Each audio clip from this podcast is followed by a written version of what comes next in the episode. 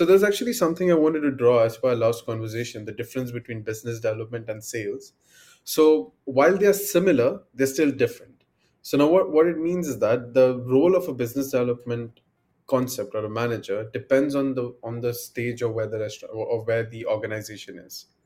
Now let's take you uh, as in general, as general business development. What is it for brands such as Talabat that I used to work for, for Unilever or something like that? So sales a business development manager basically focuses on developing new markets for a brand basically tries to create a competitive position by looking after strategic deals that help the company in the long run. So they look at long they look at long term revenue potentials. Now, so you would move... you say that so, i'm mm-hmm. sorry to cut you off but would you say that um, business development in talabat is almost like you know introducing groceries? Is that like a business development it wasn't introduced because it's a new market. It's a new market.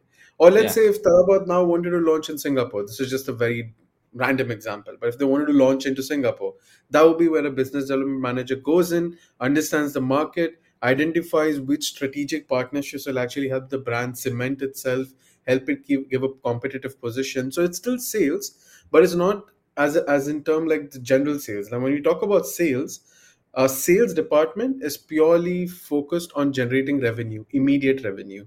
They basically take your product, they go to the market for the identified customers, and they sell it to them. That helps the organization get more revenue, basically, immediate revenue. When you move to a business development front of it, they basically look after very strategic deals. Like when we spoke about how Talabat eventually acquired Pickle, for that example. Or they managed to oh, get them, not acquired. Yeah. All right. So, yeah. uh, as we've talked before, uh, and as I know, uh, you are a GrowDash. I think I believe that's the name of the company. You are the GrowDash uh, business development. Can you actually tell us exactly what is GrowDash in a in a very simple way? In a very simple way, we are basically an SaaS platform or a software as a service platform. What we do is we empower restaurants to uh, to create and optimize their growth strategies on delivery aggregators to get highest return on ad spends. Do you have do you have any uh, transformative transformative stories, success stories that uh, that actually happened in within your company? So the thing is that there's a common trend in the market of how much a brand can actually acquire. Let's say because see when you launch a brand, especially restaurant brands in this time and age after COVID, there is a lot of there's a lot of competition out there in the market. So the so the use of marketing has even gone higher because there are so many good brands. For example if i launch a burger brand there are so many good burger brands that what's what's how is it influencing me to buy it from that brand? So what it does is basically with the huge portfolio of brands coming in the use of data becomes key. Having uh, having clear understanding of how the market's flowing what type of cuisines are working, where your customers are, where you need to place yourself to get the highest amount of orders. A lot of these elements are important. So this is where GrowDash comes in, where they use data or data back recommendations to help restaurants optimize their ad tech spending, so optimize their performance by knowing where their customers are, by knowing how the market's moving and staying on top of it. Something we say in the company is basically it encourages restaurants to be more proactive rather than reactive to changes in the market. The generally general thing what happens is when everything's going good, you tend to not focus. But as soon as it starts dipping, you start okay, what happened, what happened, and that's already too late because you already went to that dip. But if you if you had your attention at every stage of your growth, you'll be able to mitigate the amount of losses that you're making basically by knowing what's wrong and then fix fix the curve to go even higher up basically well so that as a as a business developer what would mm-hmm. your like what your position would be like so uh, what mm-hmm. is the biggest thing that you have introduced for GrowDash? Awesome. So the thing is that I've been in the UAE market for quite quite some time, I would say, and I managed to build good relations with restaurant partners in Dubai. So as this company is a startup, as a startup, you need to build more success stories. You need to get more people involved. You need to build more more growth, basically, for partners to justify our concept and justify our brand, which you have been doing really well so far but for that we need to get more people on board so as as a business development manager for uae since i had a list of contacts and i had not a list or basically had my connections within the market i joined the company basically to spread our word or basically get in touch with certain partners that we know that we can really help and get them better returns on what they're performing. So the my role is basically to identify the partners who will help the company in the long run and go and tackle them. At a later stage is when the company is already set, when you move on to a, a, a when you move out of the startup phase and move into a more secured, established phase, is then when different roles and different opportunities would open for me in terms of developing newer markets basically. So right now we are inventing the GCC in two, three countries right now. Later, when we move on to the fourth country, and I'm working towards developing that fourth country, getting the right connections, getting the right setup, so we are located really well. So that's kind of my role currently. So currently, I'm helping with a little more sales centric approach, but as we progress along, it'll be a more business development oriented approach, let's say, or more growth, strategic growth related approach. Well, let's just change uh, and focus more on mm-hmm. business development in itself as you know as a role business developer you often require to vo- forge a lot of partnerships mostly on like a weekly basis am i wrong not weekly but yes we need to keep continuously forging and so it could be daily it could be weekly it could be monthly correct all right what about if someone hustles and he wants to go for that weekly type of goal is that possible or we can definitely. Why not? That's the whole concept that you you start identifying reasons. You start getting in in touch with people. The hustle culture comes in that maybe if he doesn't pick up your call, how do you get in touch with him or her, and stuff like that. Yeah, so that's that was actually yeah. part of the question, and that is, mm-hmm. how did you approach restaurants and online sales channels? So yes it's it's required having good network is required doesn't mean that you need to have people you can call all the time yes it's important but it's important the way you communicate with them it's very important that you display value rather than the product because display it's it's always nice to tell them that how this product will help them get from where they are to where they can be or where they should be stuff like that so so I actually kind of imagined it that it would be exactly like sales, you know. So for example, in sales, this is what I know, right? This is my limited knowledge, and that is mm-hmm. they would go out there and they pretty much just outreach to everyone and you know try to build relationships and all of that. So it's really not exactly like that in business development. Correct. So you're not looking at quick sales. I'm not going for the meeting yeah. to close them on the spot. Obviously, that'll be a dream if I could do that for every meeting basically is trying to understand and also explain to them on a on a on a, on a holistic level on a, on a larger scheme of things of how the partnership between us and them could help both of us start grow, growing up as well. So for that it requires a lot of explanations on multiple fronts. It's not only that here's the product this is your product we want to match it. That's not the case. We need to talk about long term growth strategies what we do now what is the first phase what is the second phase of the relation. Now that's how you work on basically explaining the value to them. You're not going to sell now and then you disappear. That's that's basically something that we do in sales. It's not something that you generally do in business development. Business development you're there at every phase. So there are long-term discussions involving higher management as lower management. It does not necessarily involve having quicker revenue but have has a, a certain growth that basically aids the vision of the management in the long run. That's that's what you're trying to go out and get. That what can i put in my car? What engines or what extra tweaks I can put in my car that I can eventually go even faster. Basically, to put it that way. As a business developer yourself, Mihir, um, how do you exactly do uh, market research? Because to be honest with you, it's one of the worst thing that I've ever done. Like I cannot do any market research. When I open Google, I just feel like I don't want to move. I want to go to sleep. So how do exactly do you do it? See there are multiple ways and everyone has a certain method of how they do things. One is that if you're from the industry you have a lot of friends you've already made so it's always nice to have quick chats with them and stuff. Let's say you're new to this industry you just you know how to sell but this is a new product that you're willing to sell. Try to find out people in the industry try to find out seminars. Uh, sorry i'll move on to the seminars later. Try to find out people in the industry who are doing really well and try to connect with them over linkedin or over certain methods and tell them hey I'm a new up and coming developer. I'm not here to sell you anything, but I just want to have a conversation with you. And I want to know from your experience of how I should approach this, what strategies I should, what I should think. This is a nice way. It's always nice to have that human interaction because you can you can sit and pull in data as much as you like. At the end of the day, your conversation is with another human. So it's better for you to identify those people who can guide you on what needs to be done in the market or what strategies to apply to build your strategies. Then, once you have built the strategies, there are multiple ways in which you can get in touch with the partners. You can do your exhaustive Google research, and unfortunately, that's a very heavy part of it. you also have you also if you if you have a marketing budget spend you have companies that give you leads that you can eventually use but again that comes with a significant amount of cost attached to it where they can scrape the data for you online and then if you have person inside within your company who can scrape the data that's good as well so there are multiple ways in which you can get the leads etc but for market research it's always nice to have a chat with those people because a lot of people are interested in sharing information but when you go with the interest of you know when you go with the intention of just closing or trying to sign them really quickly you manage to create that distance the same way right now I'm, I'm really happy to share with the people who are listening to your podcast because i want them to know what the things that i learned etc and that's a very easy way when it's a good conversation. The way you spoke to me made it very comfortable. So you already know how to approach the market. Let's say that. The way you made it, made it made it exciting for me also to join in and have a conversation over here. So that's that sort of a thing. Get in touch with those key you know people within the uh, industry to have a chat about So let's just have an example, okay? Um, let's say, for example, um, about a cafe, okay? Just a normal cafe.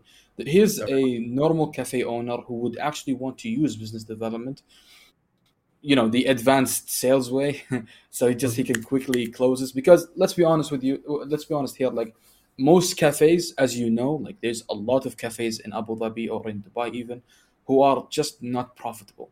So, what, for Mhm. example, one thing that they can do to partner up with a huge company, or basically just one thing that they can do to um, to actually grow and actually become profitable, right? Because most of them don't really have any customer base. So, how can they use business development in order to leverage, you know, partnerships and those types of things, so they can actually grow and beat all of the competitions? So let's just yeah use a cafe owner as a some type of example. example. Lovely. So it's a cafe owner. We are assuming that it's a small scale cafe. Let's say it's a single outlet cafe. Correct. Exactly. At that time, majority of that business development role comes in in the form of the owner, basically building his business. Because if he's just a silent investor, then that means his involvement in the business is reduced. Now, as a business owner, it's very important you're heavily involved in the initial run of it. Now, the one thing for him to identify is first of all, even before setting up the location, what type of customers are moving around. It's always nice to see what type of customers are moving around before you establish. Let's say you've already established and based on your research and stuff like that.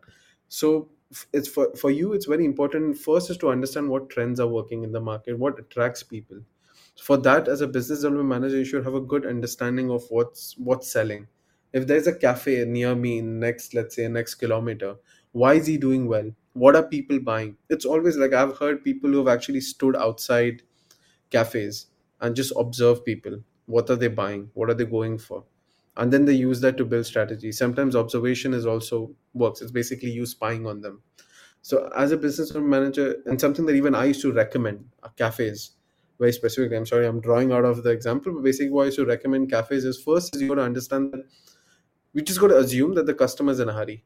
So you got to basically have something that is so easy for him to choose or him or her to choose, and it's got to look attractive. Marketing is very important. Marketing is what I mean by that is packaging.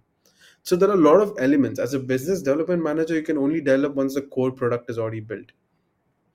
And then what else can you do? What pre- partnerships can you do with your coffee to help you? Now, for example, if you're a coffee shop, everything is already set up. Fine. Yeah, And you're not able to attract customers. Think about what different type of partnerships you can eventually. For example, let's say there's an event going on. Approach them, tell them, fine, we will be your authorized cafe providers. Speak about your commercials with them. Boom, you already managed to do an attraction over there. Later on, you can work on Instagram ads where you can ask them, we can ask influencers or someone to basically do an ad and give you a code where you can have people who can come show you the code and basically take a discount here you develop business in the sense of getting more customers out there in terms of strategic partnerships you can speak to a lot of these corporate places etc and say that you know we'd be happy to you know keep a staff over there. Be happy to offer you 20% to the whole corporate office and we can have coffee delivered to you as well. Another example of you know maybe this is in terms of delivery in terms of people coming on board. There are a lot of other discount platforms you can work in where people can get in discounts. For example there's via app there is are many apps in which if you pay you get cashbacks or you get stuff like that doing a partnership with them would help it would encourage people first you would appear within their portal of that cashback app So if they're nearby, they will oh they will notice oh this app this cafe is there where I can go and pay and I can get cashes. When this way you manage to get a customer to come directly from you purely through incentive. So really, Then Mihir, what you, you what you're trying to say is there's really no limits, right? Like you can go go crazy. to anyone, yeah, go crazy, but because most people are coming from, you know, a perspective of a consumer to a Mm. producer, they just can't do that shift. So they they just think that the only way for me to be profitable is to sell this thing, to sell the coffee, to sell the coffee. When in reality, you can do many things. Like there is no limits. It's not some type of Lulu hypermarket where the price is fixed. Yeah. You can do many things, right? Play But around with it. can you actually tell us the actionable, like for example, you have just said to talk with some type of event. So how would you approach that situation? Would you immediately call them, and uh, what type of offer would you actually give them? See, in terms of the, we can have multiple discussions. One is like basically if it's like a stand-up show or it's a, it's a, it's a, it's a concert. Let's say you can always speak about having a kiosk outside where you can dispense coffee. You can discuss on what the commissions they would get on the sales, or you would have to pay a rental space, and whatever you sell is yours. There are multiple type of negotiations you can have. Now that depends on what your budget is like, what they're actually charging, what the location is like so there are multiple elements that you obviously you're going to have to negotiate down to the best so it's very important when you go for these meetings is to know what is your cost what is your best rate what is your mid rate and what is your walkaway rate so you know that what point you are not losing your profitability and if you are losing your profitability are you working on increasing growth? Because there's something that we call as burning cash burning where we're basically burning cash to spread our name but eventually you want them to circle back to where we are. You can use that platform where you're dispensing of coffee to give another voucher to them. Tell them you get 20% off if you bring this voucher to my to my outlet. So here you sold the coffee to him on the exhibition and you're also inviting him to come to your outlet located wherever it is for another cup of coffee. That's also a nice in which you've done twice the amount of marketing. I think i'm, I'm, I'm straying a little away but there are a lot of these um strategies that you can apply in terms of events. Um, you know see there are some events that are paid makes it a little harder. All of these comes with additional costs. Oh, money makes money. You got to invest but it's also important to know how much you're willing to invest knowing where to draw the line and then going for it. Uh, pretty much, it's when it comes to negotiation, how would you, first of all, what type of tool would you use to uh, do outreach, right? And how would you position yourself and introduce yourself? Because as we know, negotiation sometimes people want to get the best deal. If you just keep sharing everything, no one would be happy because no one is happy to give out one type of shoe and then I get to take one shoe. Like we, we no one is happy in this deal. So how exactly would you make yourself to be the happy person to pretty much get everything and make the, the other uh, person happy? And of course using the the coffee and the event thing because I, I do think that event marketing is genuinely good so how would you approach events, especially? well the first thing you do before you approach any event is to analyze what type of event it is and what type of crowd is going to come there now if you're going with a cafe do you think people in an in a in an opera setup would really want a coffee? Or do you think you know it's very important to identify what the event is like and whether you whether you feel like you have the right customer segment. Now depending on your coffee you have different customer segments. Now, for example if i'm a regular cafe set trying to have quicker turnover in terms of selling more cup of tea selling between an average of 8 to 12 dirhams then i'm looking at a different type of customer portfolio. But then when you have uh, you know bougier cafes where they're selling for 35 40 dirhams coffee. Now they are still small businesses but they're selling premium products. Then do you think the customer's appetite is there to buy a coffee for 30 45 dirhams? And stuff. That's very important that you identify whether the customer segment that you have decided for is would be a potential at that event. Now when you go to the event there are multiple ways in which they're going to negotiate in terms of you being a startup. So it's always important that you I don't know. It's it's it's very hard to quantify it. It's always about you know having a cranky face, saying you know any amount they give you is very expensive. So there, Wait, there really? yeah, yeah. I mean, we used to. I mean, any amount they say, we used to always say like, no, no, not impossible. So before you do that, before you get into the negotiation phase, it's always important for you to understand what are your costs, Mm. what is your best deal, what is your medium deal, and what is the worst deal, what is your walk away deal. So that will not give you profit, not give you too much loss, but it's just all right. So when you have that in mind, when they give you an amount, you basically match it and see where it fits within those parameters. and depending if it's fitting really good and it's matching to what they are then try to negotiate and try to make it even more better. If Mm. it's sitting mid same method. But if it's sitting like just profit to loss then try to maximize your deal or try to you know work around and tell them that we are a startup we like to really place in. Try to offer alternate solutions that you can. For example if they cannot give you a main slot. Tell them i'm fine to be in one of the corners and you and you can you can use banners. You know i've seen some people who have basically placed their coffee shop in the corner but they have utilized one space to place a banner and tell them you want hot piping. It was not for coffee it was for another beverage uh, another food item. But they just placed one banner and you directed people to come and find you over there. That's also another technique you can use. You can tell them i'm not using your prime area all i'm using is just an advertising tool. Boom. Now in this way you're telling i'm not using multiple spaces.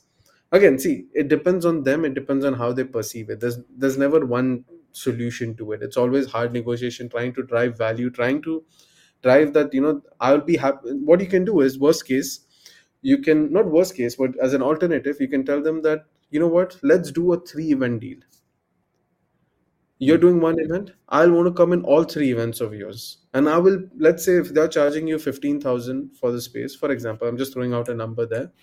Tell them i will partner with you for 30000 dirhams for three events.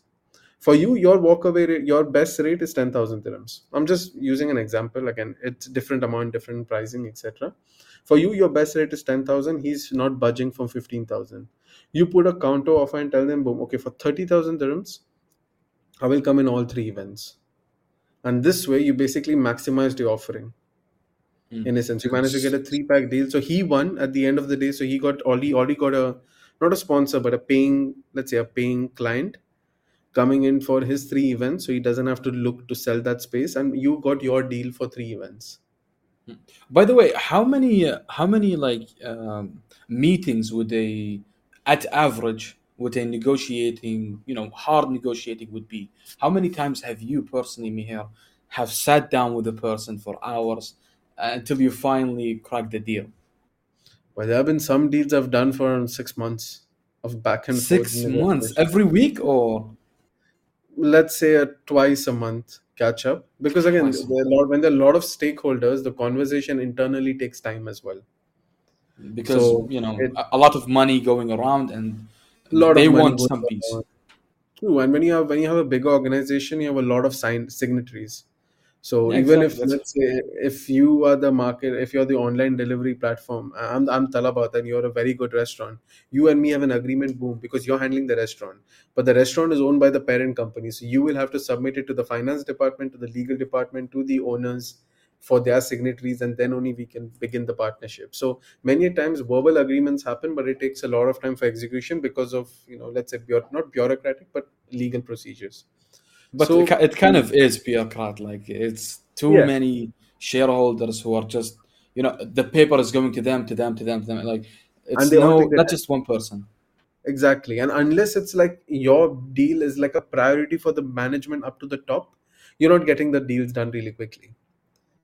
Now, for example, let's say a very big conglomerate, unfortunately, I don't I don't think I want to name them, but 95% of their sales comes in from retail and 5% comes in from their F&B.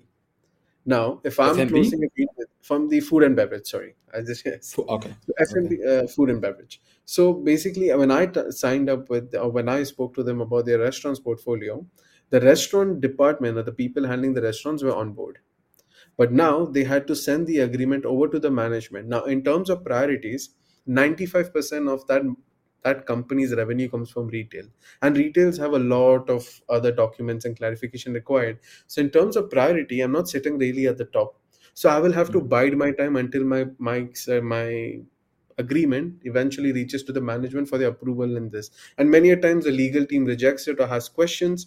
Then it again comes down the order. Then again we work on the negotiation. Again we go back to the top so these takes this takes a lot of time albeit silly. The same is flip if it's a purely business uh, if it's a purely business um, purely food and beverage business company then it's a different because there's one stakeholder who has only that as his bread and butter so negotiations can take any amount of time it's very important for you to see never ever go cheap in your negotiations always try to focus on value always negotiate and always focus on value when when you whatever you sell It's always selling value. You're not selling a product because most of the negotiations are just done to find the best deal out of the lot.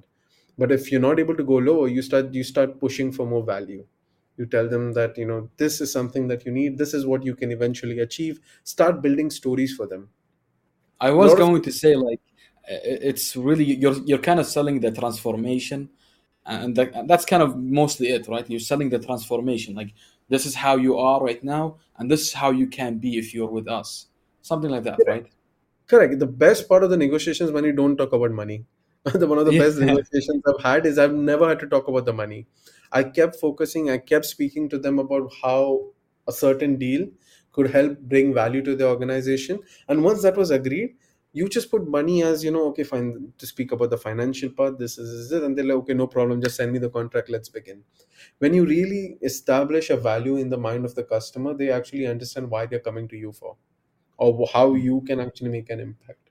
So that negotiation could be longer depending on how adamant the partner is. Sometimes they're very flexible, they're willing to understand all you need is one meeting of a hardcore negotiation to close it.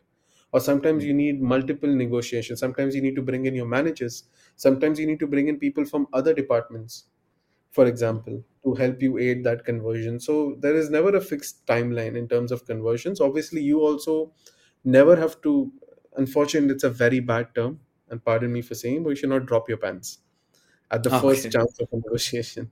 It's very So you don't want to be vulnerable, basically. yeah don't be vulnerable. Be be confident when you're going in for the negotiation. Understand that it's a part of every business. Everyone's negotiating to get the best deal for the organization. So don't go to it or don't approach it from a negative stance. Always try that if even sometimes you get ridiculous counter offers where if you say i'm selling you for 10 dirhams and they'll go and say no i want for 1 dirham. Makes no sense so it's very and you will get this. And it's the worst thing you can do is to burn that bridge. Mm. best thing you tell them that this is this sometimes you have to explain how costing works for them.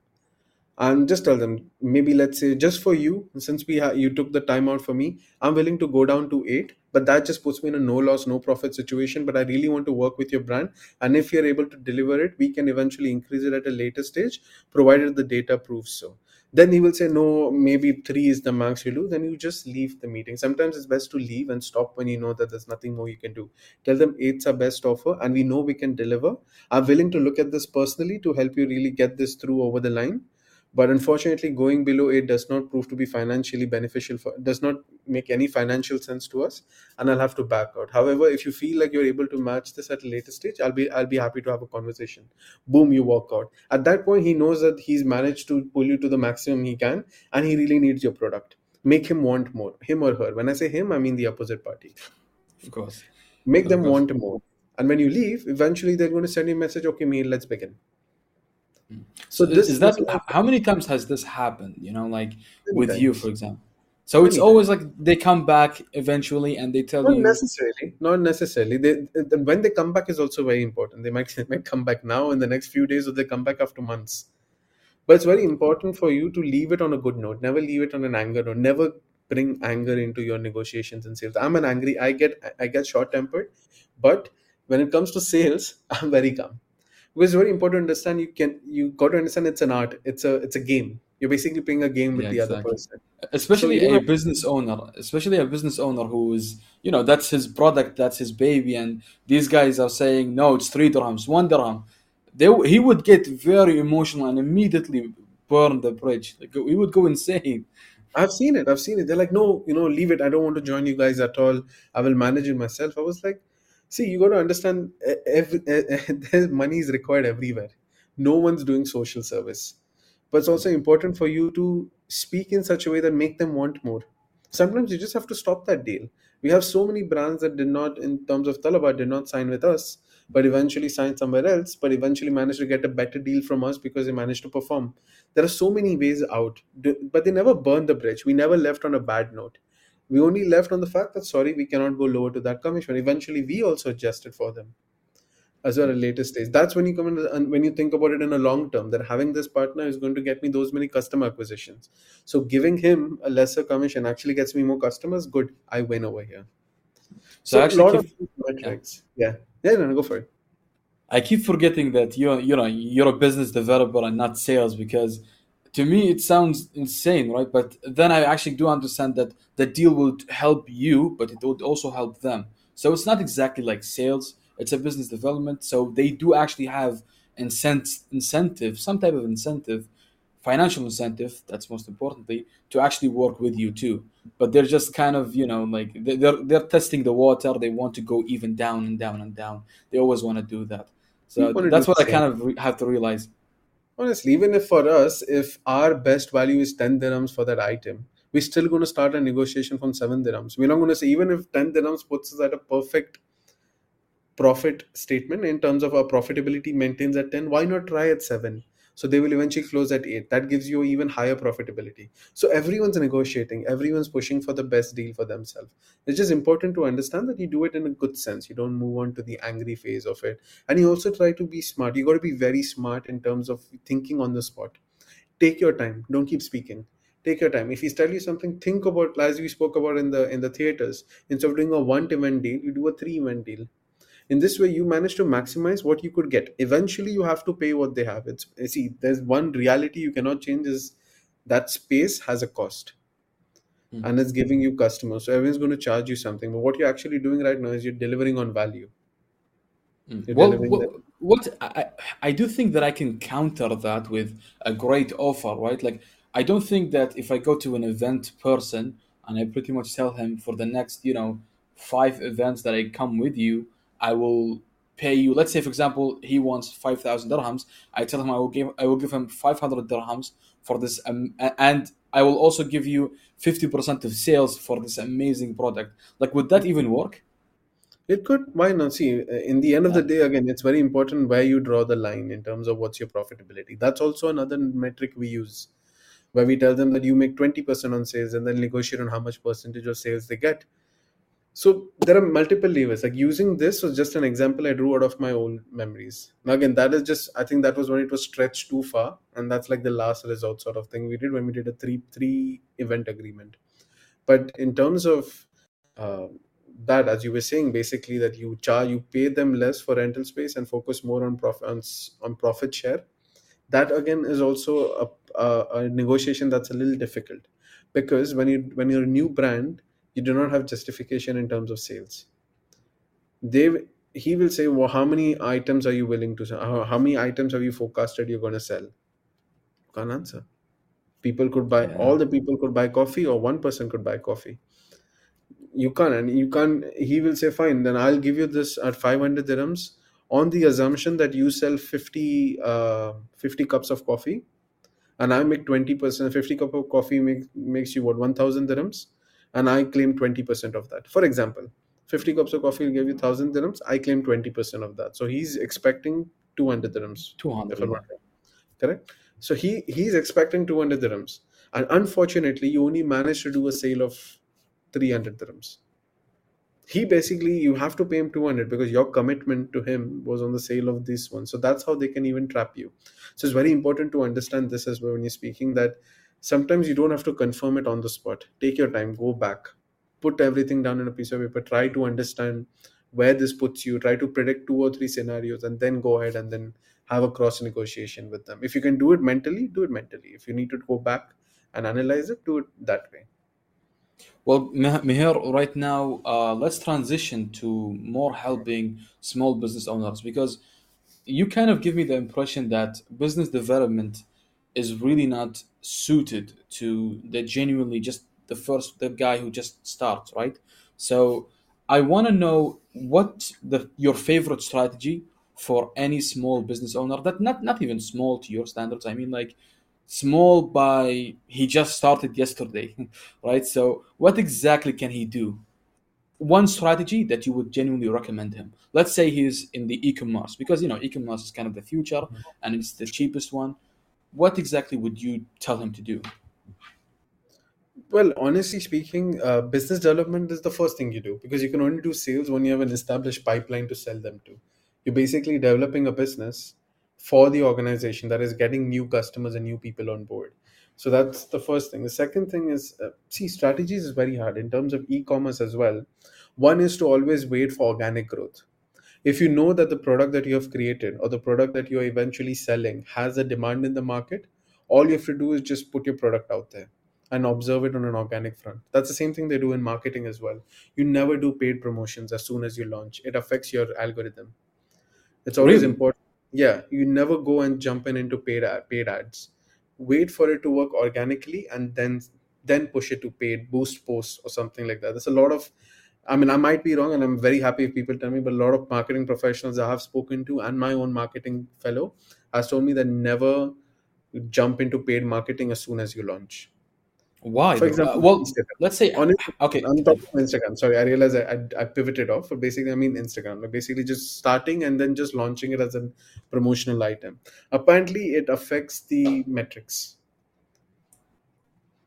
the metrics of um, like the reach of the organic content or you know like what exactly So they always recommend that you start anything organically, any marketing, any push organically.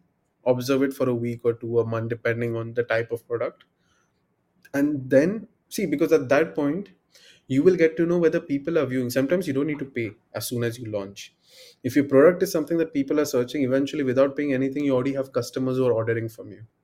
So that's the reason they say that never depend on paid immediately. Because if you do paid, as a business owner, you're not able to gauge whether the customers came because of the ad or because of the product. Mm. If you understand what I mean, like in a sense, if you will then understand, you will feel that you need to always do paid marketing to generate sales. And the day you stop paid marketing, you're not getting any sales. So that's the reason they say that when you begin in terms of how you're pushing the product, it's always good to observe it on an organic front see how it's performing analyze. That many times you get you get insights as to people have checked it but they have not bought it. People have checked it added it to the cart but not completed the purchase. All of this information will help you develop even better understanding of whether people are viewing you what type of people are viewing you what the initial customers saw and dropped off on. So this helps you prepare an even better then you can maybe analyze. Maybe you need to hide some products. Maybe you need to you know change the imagery of the products. Maybe you need to work on the pricing. Maybe you need to create a combo offer for them to sell where they can combine two items and get 50% off whatever. So when you observe that then you go on to the next phase of doing. So i'm just talking in terms of e-commerce. And uh, this is from my limited understanding of not limited but i have, I have limited i would say because i have friends who have done it and this is what they had recommended to me. I'm sure there are all these e-commerce gurus out there who could who could advise on this much much better but uh, in a sense it's about that. It's uh, if you and i'm barring i'm keeping the discussion aside that you have done your product research on whether it's required or whether it's a new need in the market that you're fulfilling. And then that's how you basically do that. You and you observe you analyze you build strategies. You observe you analyze you build strategies. The day you just build a strategy and sleep is the day you have lost. Mm. you always got to learn. You got to uh, analyze what's happening in the market and build better strategies. Now for example let's say i'm, I'm just throwing a very vague example. Um, um, let's say i'm selling headphones. Yeah i'm selling gaming headphones. Really nice in the market with the glowing stuff whatever. Now when i'm selling it maybe i'm seeing people are looking at me but they're not really able to convert because eventually they're going to buy for me and they're going to buy another keyboard now what i can do is eventually i can either go and create a partnership with that with another keyboard company and tell them that let's create combos together. Or i can buy the inventory of the keyboards and make a combo offer and sell them together. So in this way what you're doing is you're basically easing the process and you basically created another another item that people basically wanted but they didn't know of and boom you were able to increase your sales. So maybe a partnership with the keyboard supplier or a partnership with another seller or keyboard supplier actually helped you reach more customers together which help improve his sales of keyboards and help improve your sales in terms of headphones as an example yeah but what about uh, how can i say this like a very very small business and they Mhm. are e-commerce let's let's just for case you know for an example they are pretty much a company who got screwed up and now they genuinely can't do anything right? So what what's like the one strategy that you would genuinely recommend for them? Of course sure yeah you can they can do content marketing they can do all of but those what things. was the reason they failed? Let's say for example their reasoning for failing is they have a shitty product. Okay uh, yeah they, they have a no really really bad product. yeah. I, I kind of forgot uh, we are I'm recording this right? I was just I, I, I almost like it was individual by individual so it's pretty much let's say they have a very bad product um and honestly they just don't didn't know anything right? So what would you what would the first step that you would recommend?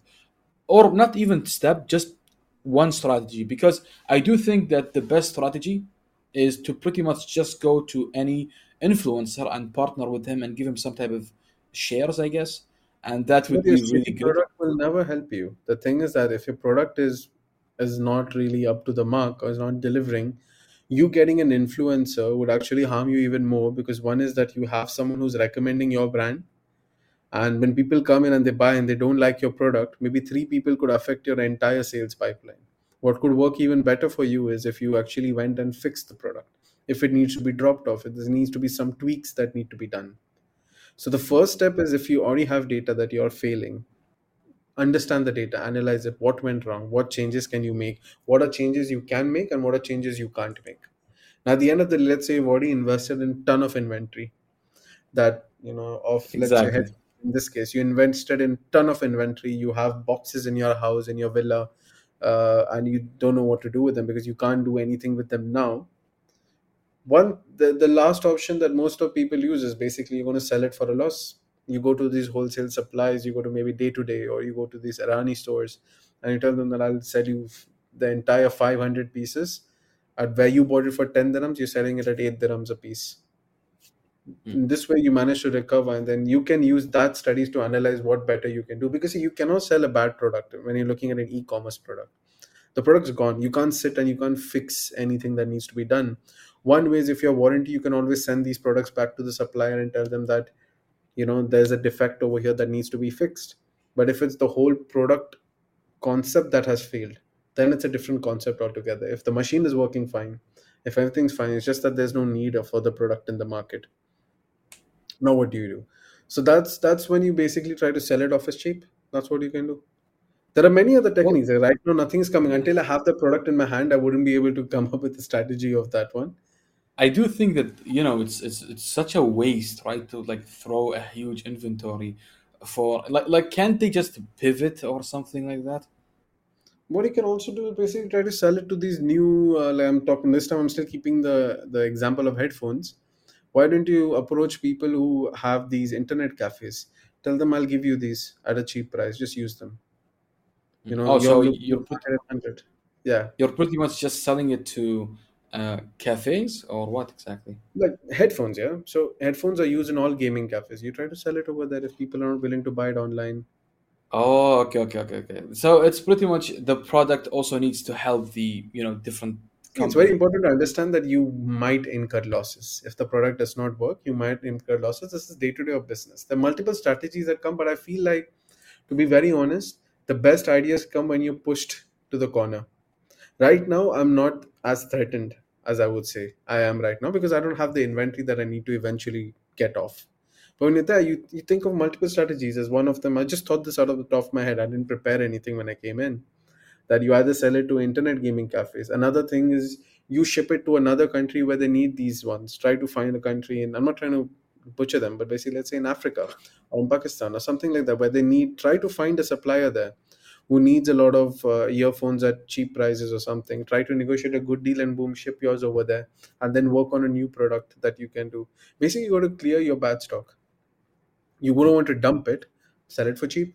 Try to recover as much as you can out of the whole deal and then reinvest it. See, it's all it's, in e-commerce. Once you messed up the product, there's only so much you can do. See, if it's a tone shirt or something, then it's a different ball game. You know, you can play around. sure. Yeah, like if it's a tone shirt, then you just tear it a bit more and sell it as a customized deal or something. You can go crazy with it. Put some brand label or something, or just gift one of that shirts to one of the influencers for free and tell them that just wear it for your day-to-day routine. That person wearing it will attract people to you to buy tone-up shirts. I've seen so many people buy silly shirts because of that where there is no there's no design it's just an unfortunate faulty yeah, so they pretty much they pretty much uh, make you know like the mistake into a feature or something like that, right? so there are many things you can you know you can eventually do. That's that's the whole thing that i'm saying is basically it depends on what your product is. And when you push to the corner is when you actually start thinking what you can do to really develop it. Now this is when we are talking about when it's already destroyed. So that's nothing that a business development manager does. That's basically an owner trying to cut his losses short. As a business Well, development uh, manager, it would be different at the beginning phase when the product was made, invented, and it was my responsibility to take it to the market. well, actually, actually, how would you introduce it to the market? What would you do? I would try to understand the use cases. Where are these going, going to be used? The headphones. The headphones are used for multiple things.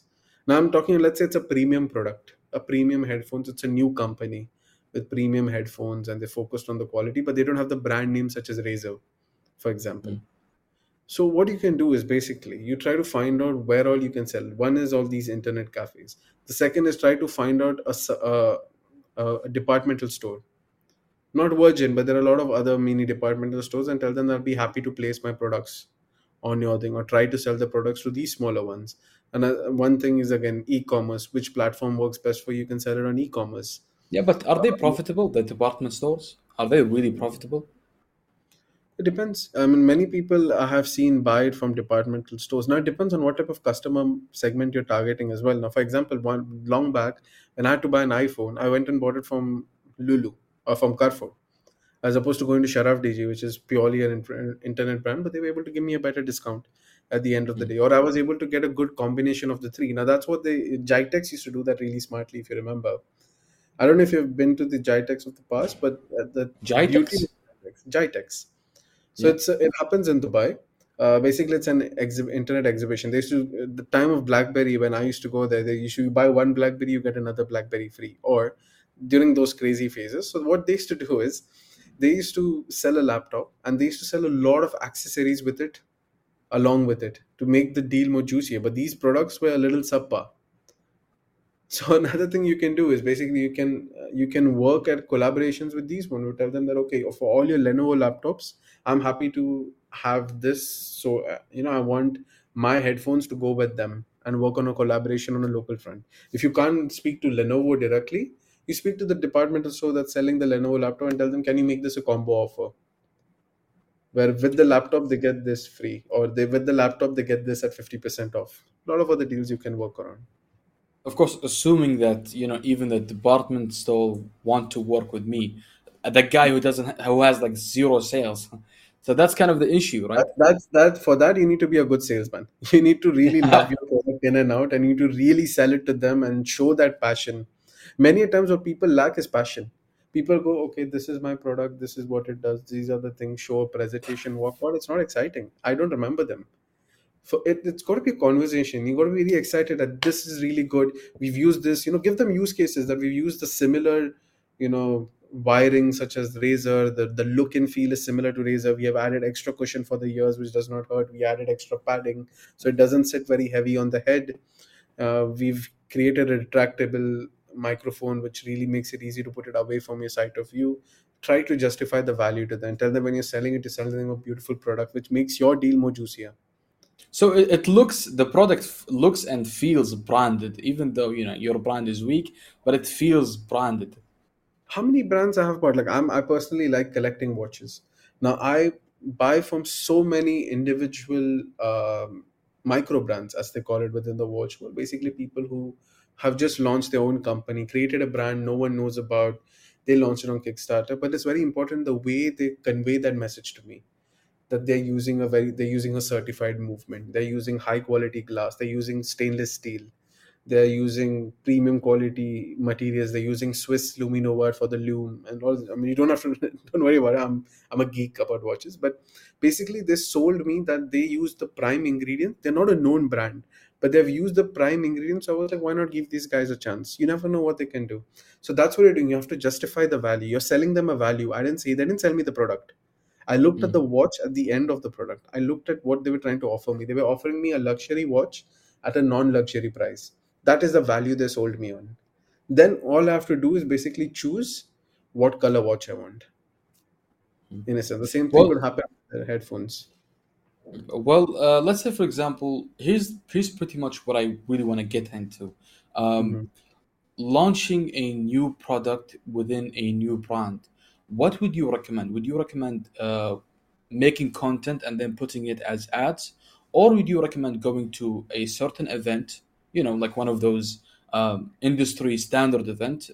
I don't, I, I never really saw one, but for example, Beauty World, there's the, this huge perfume brand, event brand Mhm. um, that pretty much yearly makes uh, some type of huge event fully in cosmetics and makeup. So, Mhm. would you recommend if someone has a perfume brand, would you recommend that he goes there and launches his product there? Or would you recommend making content or even collaborating with an influencer for celebrating the, the, the product brand, the product It launch? it actually depends. It depends purely on the type of budget you have, uh, because see, Let's say the budget is thousand dirhams. That's that's really all, like thousand dirhams. that's thousand dirhams for the new one. So that clearly omits the event sponsorship thing because it's going to be hard. They're going to charge you a hefty amount to be featured as one of their sponsors. So then now you have his content. Now you, as you said, you have launched another. Sorry, you were saying? You want to be a sponsor? No, no, no. I mean, if you have a budget of a thousand dirhams, that's assuming that you have a small budget, keeping the value out of it. You have a Yeah, smaller exactly. budget. So actually investing in an event would be more expensive because they would charge you for the space, they would charge you a lot of things and type of sponsorship packages that they have, if I remember really well. Now, if that doesn't fit in terms of your revenue or in terms of your budget, then there are multiple ways in which you can try. If you have a thousand dirham budget, yes, you can use content marketing. Yes, you can use influencer marketing. Now, you said you launched a new product within your existing line. So you have your existing customers. So sometimes it's nice to just approach them and make them be your ambassadors. You know, like uh, you can maybe launch a campaign in which you're encouraging your existing customers to buy from you and use the discount that is given through the through the email to those specific customers. So they buy from you and they become your ambassadors. Another thing is where you can say you can ask them to try the new product and give them a 20% discount if they post a story about your product. So now they're helping you reach out to newer customers from within their their circle so again there are so many ways in which you can it's always nice to have people be your influencers or your ambassadors for any company. Uh, I mean, Apple for that matter has done that. People have owned it. I spoke about Apple to someone else. Someone else bought an Apple, and that chain became made them a trillion dollar company.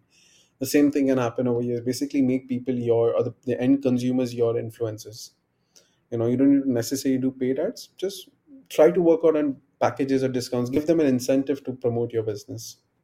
Here's actually kind of what's con- what confused me is that you actually have to be a sponsor so you can do these uh, cool launch products or what? Yeah, because you are using their platform to pro- to you know launch your product. Correct. So Oh. this exhibition that you were saying, so you you you say that you you you need a stall or something over there, correct?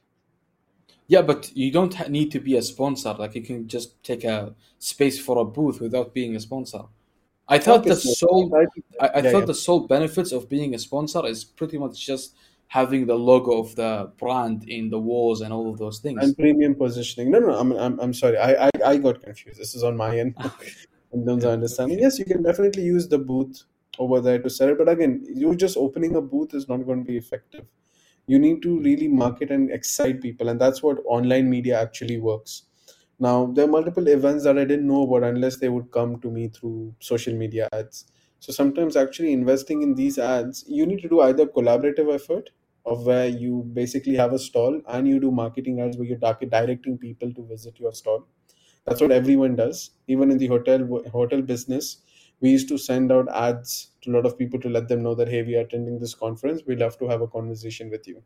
So using a mix of two is very important. But if the budget's low, you can always you know outsource it. Well, now we mm-hmm. get into our final segment, which is pretty much what how can a normal person who doesn't know any experience in sales even business development and to pretty much be like you like a, a- get into the role of business development in a certain company?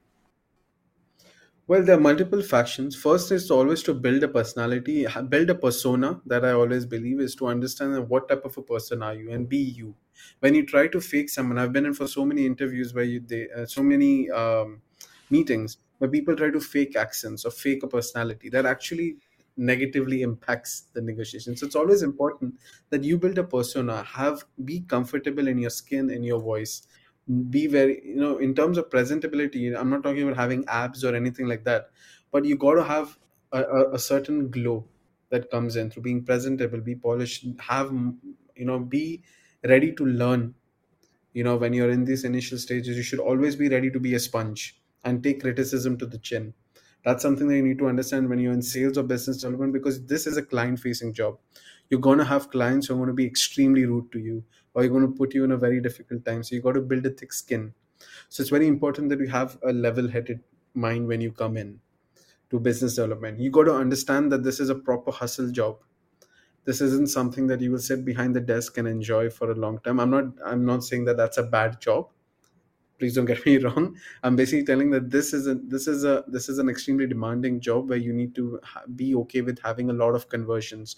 You got to be really okay that you will have tighter deadlines.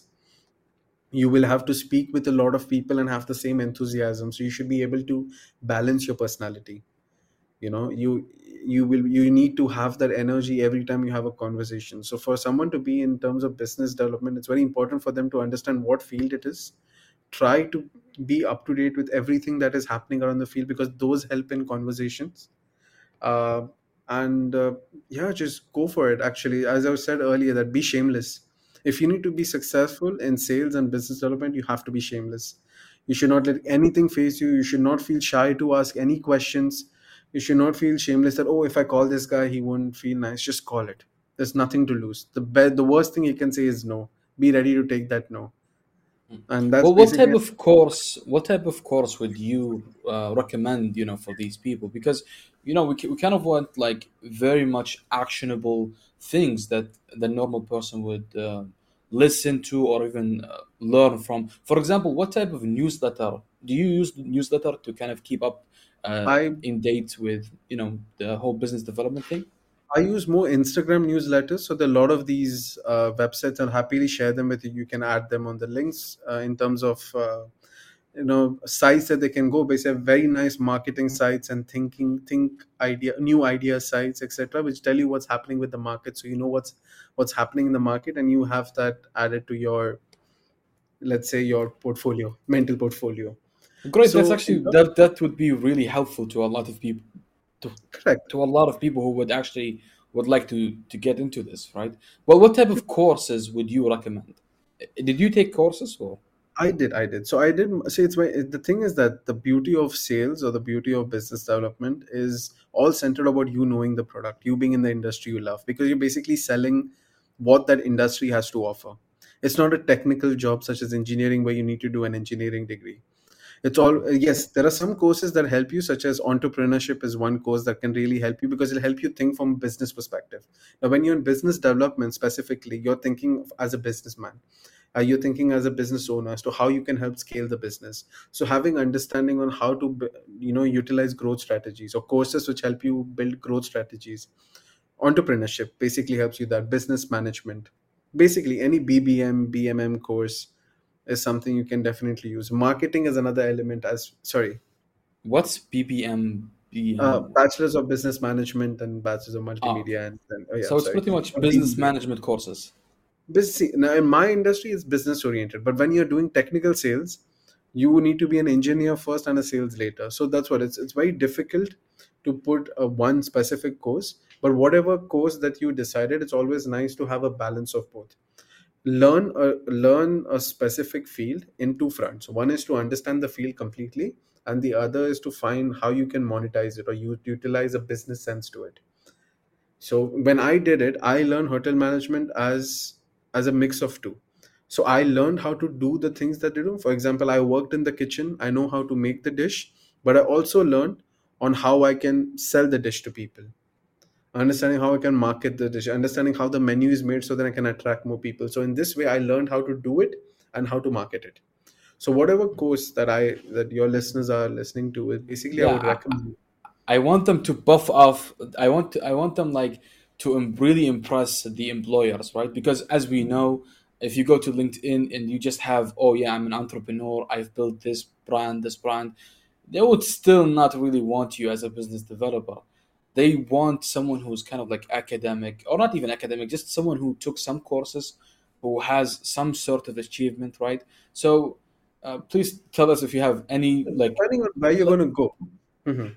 like see for in, example you, you are a yeah business yeah developer right so what would you what did you see from your employer and i don't mean right now i mean like from all the time what did they genuinely um, wanted? Like, what made them think that okay, we want me here? We would actually accept this guy and we want him in a meeting, right? That's that's Lovely. that's the most important thing. Correct. The first stage you give is always your degrees. Okay, your degrees could be anything. It does not see. I and I had the pleasure of doing my MBA from Spain, so that helped me with a little bit push. But it also depends on how you present your CV. Now, your CV is your face. Everything you do in terms of employment is a sales pitch. You need to do the best way you can sell yourself. You need to prepare your best sales pitch by really knowing it. That's what I'm saying. It's very important first to know yourself, feel okay with your skin, with your voice everything is that's how you know what you have and what are your strengths and advantages so one is basically have an in, you don't necessarily need to have an ind- industry specific role you know you could have something that supplements it especially in my case you could you could do anything. We have so many engineers who eventually become salesmen. It all depends on the day when is the way you present the information. It always has to be concise. And your cv basically needs to be concise. And your cv basically needs to create an interest to ask more. So using numbers you know using information that is exciting but you don't give all the information that actually excites the hr or the interviewer to have another conversation to know more about those things you know definitely take up courses on linkedin definitely take up courses don't be shy to take up courses which is not related to your business for example if i'm doing hotel management I can do a course on AI, not a problem. It's got nothing related immediately. It is related in the grander scheme of things, but it's always nice to show that you're inquisitive to learn. So your CV should show that you are doing some things. You know, you are you're learning. You're a constant learner. They like people who like to learn. Always have recommendations with you. I have a couple of recommendations that I have from my ex professors and my ex people that I work with. That's something that works really well, and I, I strongly recommend in this time and age that they have their LinkedIn looking excellent. In your linkedin you have your job profile you have what you do and you have to mention what your achievements were during that time. Don't mention that as part of business development manager these these these are the roles that you have to do. They don't need to know that. What have you done build business got this revenue got this etc now if you're a very very new beginner speak about your schooling Yeah, speak exactly. about Like most people are, they yeah are literally 22 years old. They are still in college. They have never worked before, and you know they want to become business developers. correct you you become a business development executive so for that one you basically need to uh, show that you know you are uh, see again that is one is one is purely on their selection on the way it looks. So that's why very important that you make your cv as attractive as you can. You make your linkedin as attractive as you can. Because no matter what happens they always judge that book by its cover. It's got nothing to do with your face. It's got to do everything with your the way it, it attracted me. So one is that. Second is having extracurricular activities listed shows that you're more of a team player and highlights the other activities other than work. They know you're a fresher they don't expect you to come with 10 years of experience but they need to they need to gauge your personality a little better. So when you do these multiple courses that i recommend do courses that you like. Don't feel bad to learn courses. I did entrepreneurship in emerging economies. Got nothing to do with the job i do now. But it's always good to have it in the bank. Shows that i'm willing to learn and on a diverse stream. And that ha- actually helps me having better conversations when i'm speaking to. That's how you learn. If you if they if you show them that you're a constant learner they are also excited to have you on board every company wants one man to do two jobs minimum. Show that you are you are the guy who can do that so you can get in through the door. Then on the interview it's a complete different ball game that's a complete sales pitch. You got to you got to know about the company but you also when you have your interview i strongly recommend please don't be like this. Yes please don't be this way. If that job is really push and this is a very strong personal opinion i do not please don't hold me to my word on this one but i believe that i want to be a part of the organization where i can be me I don't want to be a fake obedient boy or something like that. Yes, I want to be hardworking. I want to deliver on whatever I promised to bring into the business, but I don't want to be as a slave or I don't want to be as a as a soldier. You know, I as a soldier, yes, I want to be very disciplined in the way I work, but I don't want if you understand what I mean, like basically I think like I think that's the problem. That's the problem. They they demand so much these days because they know you're repla- you're replaceable, right? And so they demand so much. They already want an intern who is who has like two years worth of experience or even three years of But worth of experience in personality, if you have seen, personality also manages to get you the job. That's what they want. They they see you got to remember they do a lot of interviews. They're meeting a lot of people who are goody goody two shoes. who are basically have a very straight format in the way they speak to you give them a refreshing taste when i did my interview with jumeirah and i'm happy to you know i, I really hope my ex uh, the director of sales listened to this that she i was sitting like this. I was very relaxed but i was telling them exactly that they needed to know. I was being very nice. I was being courteous. I was giving them information that what i did in my college days what i learned and why i feel like this role would be a great transition for me. See there's so many things you can do. You don't need to have experience. When i got jumeirah i had zero years of experience though i got a role that generally people with two years of experience got nothing but that sales pitch is what made it made it possible for me. And build networks build networks on linkedin. Speak to those people. As i spoke earlier speak to those people. Hey that i'm a fresh graduate from xyz university and i see that you're in this field. I would love to have a quick call with you to understand what i need to do to better prepare myself. In this way you manage to create a connection. If he finds something nearby he will connect you first because you are the top of his mind i recommend people get in touch with people over linkedin and just ask them for a conversation nine will say no one will say yes go for that one Actually, th- that's exactly kind of what I'm doing in here in this podcast because I actually have a reason now to talk with people who can Mhm. potentially employ me. And um, well, honestly, that's all, Mihir. Thank you very much for coming. I didn't, I don't really want to keep you so much. So no, thank you very worries. much. Um, where can people actually see you at? Where can people follow I'm, you? I'm there on LinkedIn. Please feel free to like me on, on LinkedIn. I can uh, share it with you. I mean, you I have will my put it in the description. Yeah. Um, and yeah, please feel free to connect with me. I'm a little slow with LinkedIn, but in case I can't, I will definitely drop a voice note. So I'm a voice note kind of a guy. I don't like to type too much. So I, if there's anything, please feel free to drop me any questions you have. And whenever I get the time, I will reply via voice note or whatever I think is the right way to, or whatever my answer would be at that point. And uh, yeah, all I recommend for all the people listening is, you know, take deep breaths when you before you go for interviews. Know exactly what you want and be confident. You know, this is not. uh, You know, stop being scared. The employees need you as much as you need them.